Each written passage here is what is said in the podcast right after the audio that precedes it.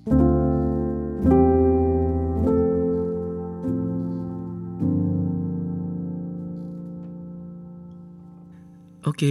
selamat datang di podcast Kawan Curhat. Oke, ini episode kedua dari Kawan Curhat.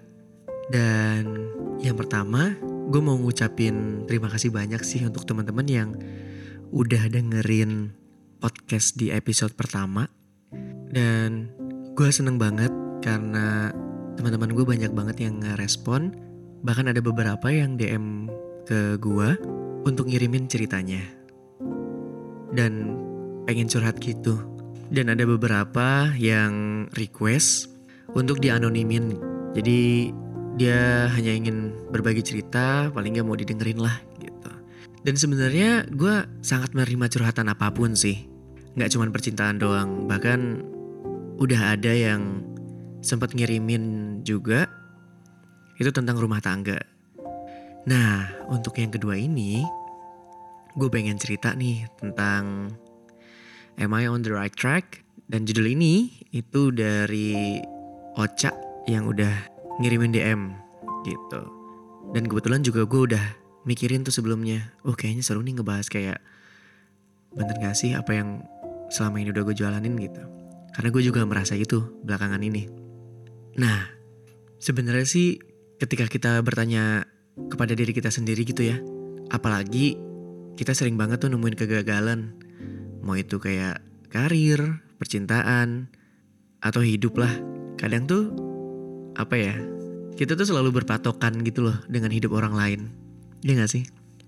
Kadang tuh kita muncul pemikiran kayak gitu tuh karena ngelihat orang lain tuh, oh mereka udah sampai sini ya. Kok gue kayak gini-gini aja ya? Nah pasti tuh kadang-kadang kita langsung muncul pikiran kayak gitu. Bertanya sama diri sendiri gitu. Orang udah ngelakuin kayak gini tapi gue masih gini-gini aja. Nah sebenarnya sih balik lagi. Yang udah pernah gue alamin. Kayak gue nanya diri gue sendiri gitu tujuan gue apa ya saat ini. Nah beberapa bulan yang lalu. Itu gue memutuskan untuk resign dari kantor gue. Dan jujur banyak banget sih yang ngerubah diri gue saat itu. Jadi gue tujuan resign bener-bener waktu itu gue pengen kuliah sih. Nah gue nggak kepikiran sama sekali buat bisnis gitu. Dan gue cuman mikir, oke okay, gue masih punya soft skill nih. Gue freelance aja buat lumayan lah buat bayar-bayar kosan, buat makan gitu. Sisanya tabungan gue gue buat kursus kek atau apa gitu. Tapi ternyata oh ada jalan lain nih gitu. Ya udah gue jalanin aja deh tanpa uh, gue ingat-ingat lagi kayak anjir tujuan gue apa ya? Nah di saat itu itu semua berubah tuh. Ketika gue udah ngejalanin gue sempet ketemu seseorang lah yang lumayan merubah pikiran gue saat itu bisnis yang gue jalanin saat itu ya secara pemasukan memang belum begitu besar bisa dibilang gue cuman bisa dapat setengah dari gaji gue sebelumnya gitu.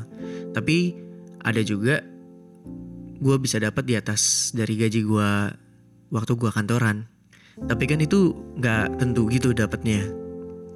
Sedangkan gue juga nggak mau sih bikin orang yang gue sayang tuh susah. Jadi otomatis gue coba mutar otak tuh waktu itu dan gue memutuskan untuk apa gue coba-coba buat kantoran lagi aja ya. Oh ini udah jalan nih, lu udah lumayan. Ya walaupun memang belum ngasilin banyak banget sih waktu itu. Akhirnya gue coba untuk submit-submit lagi kerjaan lah. Gue interview, gue datang ke beberapa company, bahkan udah sampai offering. Tapi gue mikir di situ, oh gue full time, tapi gue cuma dapat segini gitu. Akhirnya beberapa ya udah deh ntar lagi aja ntar lagi aja. Dan karena itu tuh gue jadi lupa dengan tujuan gue tuh apa. Karena mungkin agak sedikit ke distract ya. Kayak lagi-lagi gue nurunin lagi ego gue karena untuk orang yang pengen gue bahagiakan lah gitu. Cuman salahnya gue memang gue nggak ngobrol banyak sih sama dia tentang tujuan gue tuh kayak gimana. Dan akhirnya dia udah dapet yang terbaik mungkin. Akhirnya ya udahlah gue memutuskan kayak gue coba untuk jadi teman yang benar-benar baik buat dia. Walaupun ya saat ini gue masih pengen berusaha aja gitu walaupun memang dia nggak tahu gitu apa yang coba gue perjuangkan saat ini. Nah, dari situ gue juga mikir sih sebenarnya kalau bisnis ini belum settle ngapain juga gitu gue kantoran yang ada kayak dulu lagi karena gue pernah tuh ketika gue masih di kantor gue mau ngebangun usaha tapi jatuhnya malah gue rugi bahkan gak jalan gitu karena yang jelas gue masih belum bisa untuk manage waktu gitu. Dan lu sadar gak sih ketika kita capek dan kita coba kayak scroll-scroll Insta story deh yang paling terdekat. Terus kita terlalu banyak ngeliat orang lain gitu loh. Dan lu tahu sendiri kan, sebenarnya di Insta story itu atau di sosial media mana pun ya orang tuh jarang untuk berbagi kesedihannya mereka gitu. Memang ada, tapi hanya segelintir orang aja. Karena mereka mostly termasuk gue gitu, gue pengen sharingnya yang kebahagiaan gitu yang udah gue dapetin di hari itu gitu. Dan dari situ kita kebanyakan ngeliat itu, akhirnya karena kita capek, kemudian kita demotivasi deh. Dan kita ngerasa kayak kita tuh nggak bisa berbuat apa-apa gitu dan kita ngerasa stuck. Nah sebenarnya memang hal itu tuh bisa kita reduce dengan cara salah satunya mungkin ya liburan. Tapi gue selama ini salah banget untuk mengartikan liburan sebenarnya. Karena kadang-kadang balik lagi kita liburan tetap aja masih ngeliatin orang lain gitu. Harusnya kita udah fokus dengan diri kita sendiri aja gitu. Ngapain juga kita ngeliat orang lain gitu terutama yang ada di sosial media. Gue kayak ngerasa itu tuh pengaruh banget sama apa yang udah gue set saat ini. Apalagi lo denger cerita temen udah ngelakuin hal inilah, hal itulah. Nah, itu kadang-kadang ya bikin kita agak down juga gitu. Walaupun ya gue seneng gitu ngeliat teman-teman gue udah lebih sukses dari gue. Makanya memang itu balik lagi ke diri kita sendiri sih. Gimana cara kita nyikapinnya dari hal-hal yang seperti itu. Kalaupun kita bisa jadiin itu jadi motivasi buat diri kita sendiri, itu lebih baik sih sebenarnya. Karena kadang kan kita juga ngerasa udah suntuk banget nih. Contoh misalkan kayak di kantor. Itu tuh kita sebenarnya harus punya yang udah pernah gue jalanin ya. Harus punya self healing sendiri gitu loh. Trik-trik untuk diri kita sendiri supaya kita tuh bisa refresh lagi walaupun kita masih di dalam kantor. Sebagai contoh sebenarnya ada salah satu buku yang pernah gue baca itu dengan cara tarik nafas yang benar terus kayak bener-bener ngosongin pikiran saat itu untuk beberapa menit itu sebenarnya lumayan untuk nge-refresh otak dan balik lagi kerja. Tapi kadang-kadang kita makainya tuh malah untuk scroll Instagram lah, apalah gitu. Sesuatu hal yang kadang-kadang itu too much banget gitu loh. Tapi balik lagi sih sebenarnya kalau pekerjaan lu berhubungan dengan sosial media itu sangat penting banget karena ya mau nggak mau kan memang harus analisa konsumen saat ini nih gimana gitu loh, audiens saat ini tuh gimana. Dan memang sih kalau kita kerja tuh ketika kita istirahat atau rehat itu emang harus bener-bener rehat gitu. Kalau kita masih nyentuh contohnya laptop lah atau handphone ya udah lu nggak bener-bener pikiran lu 100% rehat gitu. Contoh kayak tidur. Tidur kita nggak matiin lampu kita nggak matiin lagu gitu. Kita nggak bener-bener dalam keadaan gelap. Ketika kita bangun tuh sebenarnya kita nggak 100% istirahat gitu kayak misalkan uh, mata masih menerima cahaya gitu hal-hal sepele seperti itulah Nah sama halnya waktu kita istirahat kerja. Dan apalagi lingkungan kerja lo banyak banget toksik tuh. Kayak ngomongin orang lah. Bahkan ngomongin kayak eh si A kok ngejilat banget ya gitu-gitu. Atau eh kok dia bisa dipromot ya tapi kayak dia nggak ngelakuin apa-apa. Nah itu sebenarnya toksik juga dan bikin lu sebenarnya demotivasi untuk nantinya. Nah, ketika udah demotivasi, makin numpuk, makin numpuk, itu bakal pecah gitu loh suatu saat nanti. Kayak lu udah mau, ah udah gue gak mau di sini lagi. Gue pengen resign, ah bos gue gak appreciate gue atau apa pun. Padahal ya cara orang appreciate tuh beda-beda sih. Tergantung kitanya nanggepinnya gimana. Kalau kita udah set ekspektasi yang tinggi banget, mau seapapun apresiasinya, itu kita selalu nganggap ah gue nggak dapat apresiasi nih di sini. Ngapain juga gue di sini? Itu pasti kayak gitu. Nah kalau ngomong-ngomong soal resign, sebenarnya lu bisa harus berpikir beberapa kali lipat lagi sih. Karena ketika lu resign, lu udah bener-bener harus mikir lu sebenarnya mau pindah mana. Lu mau kantoran lagi atau mau bisnis gitu.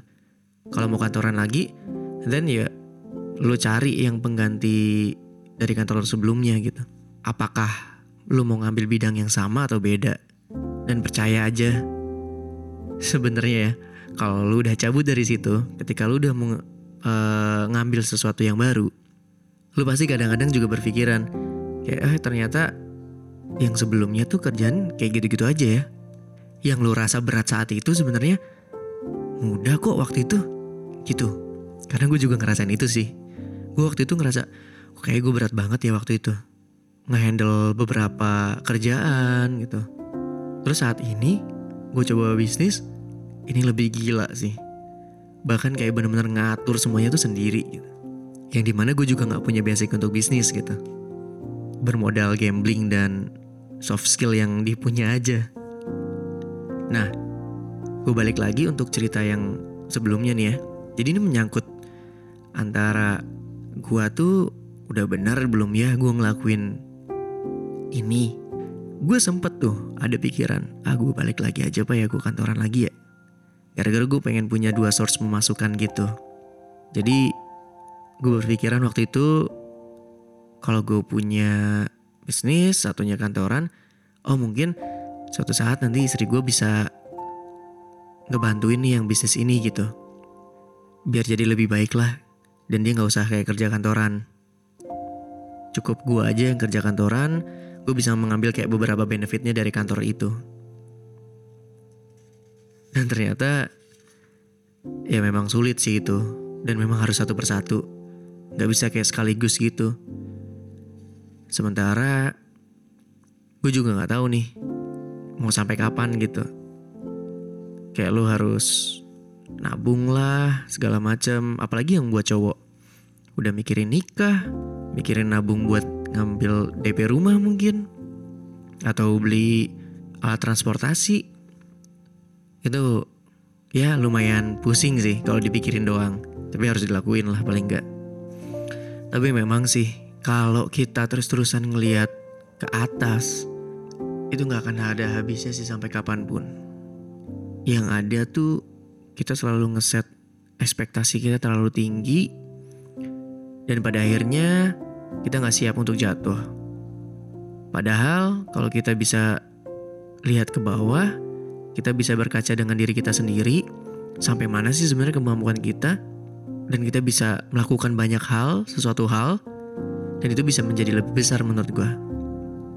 Dan dari kegalauan-kegalauan itu, mungkin bisa kita reduce gitu, dikit demi dikit. Karena balik lagi, menurut gue, jalan yang udah kita ambil saat ini nih, udah benar kok. Kita yakinin itu aja. Karena kalau kita nggak suges kayak gitu, mau sampai kapan pun, mau ketika lu udah punya duit banyak atau apa yang udah lu pengen juga udah kesampaian, ya itu akan terus kurang gitu. Dan kita selalu ngerasa pertanyaan itu tuh bakal terus muncul gitu. Duh bener gak sih? Ini bener gak sih? Makanya sebenarnya itu nggak bisa dijawab saat itu juga. Gitu. Lu bakal ngerasain itu nantinya. Dan gue yakin sih sebenarnya apa yang kita dapetin saat ini itu tuh terbaik buat kita. Dan masing-masing tuh udah punya jalannya. Jangan pernah ragu dengan apa yang udah kita ambil. Gue tahu itu memang kadang-kadang bikin kita sakit. Ya, walau itu sakit, tapi yakin aja itu bakal sembuh nantinya. Kalau dari gue, kita udah punya jalannya masing-masing kok. Kita nggak perlu ngeliat rumput tetangga, karena kita udah punya halaman sendiri untuk gimana caranya kita tanam apa yang pengen kita tanam. Dan jadi itu, terima kasih sih untuk Ocha udah ngasih saran untuk materi di episode yang ini. Dan gua tunggu cerita-cerita teman-teman yang lain. Dan ada beberapa cerita yang masih gua tahan. Gua akan coba kembangin lagi untuk materi selanjutnya. Dan oke, okay, thank you banget udah ngedengerin sampai akhir. Dan tentunya jangan lupa untuk bahagia. Dan gua Harya dari Kawan Curhat. Sampai jumpa di episode berikutnya.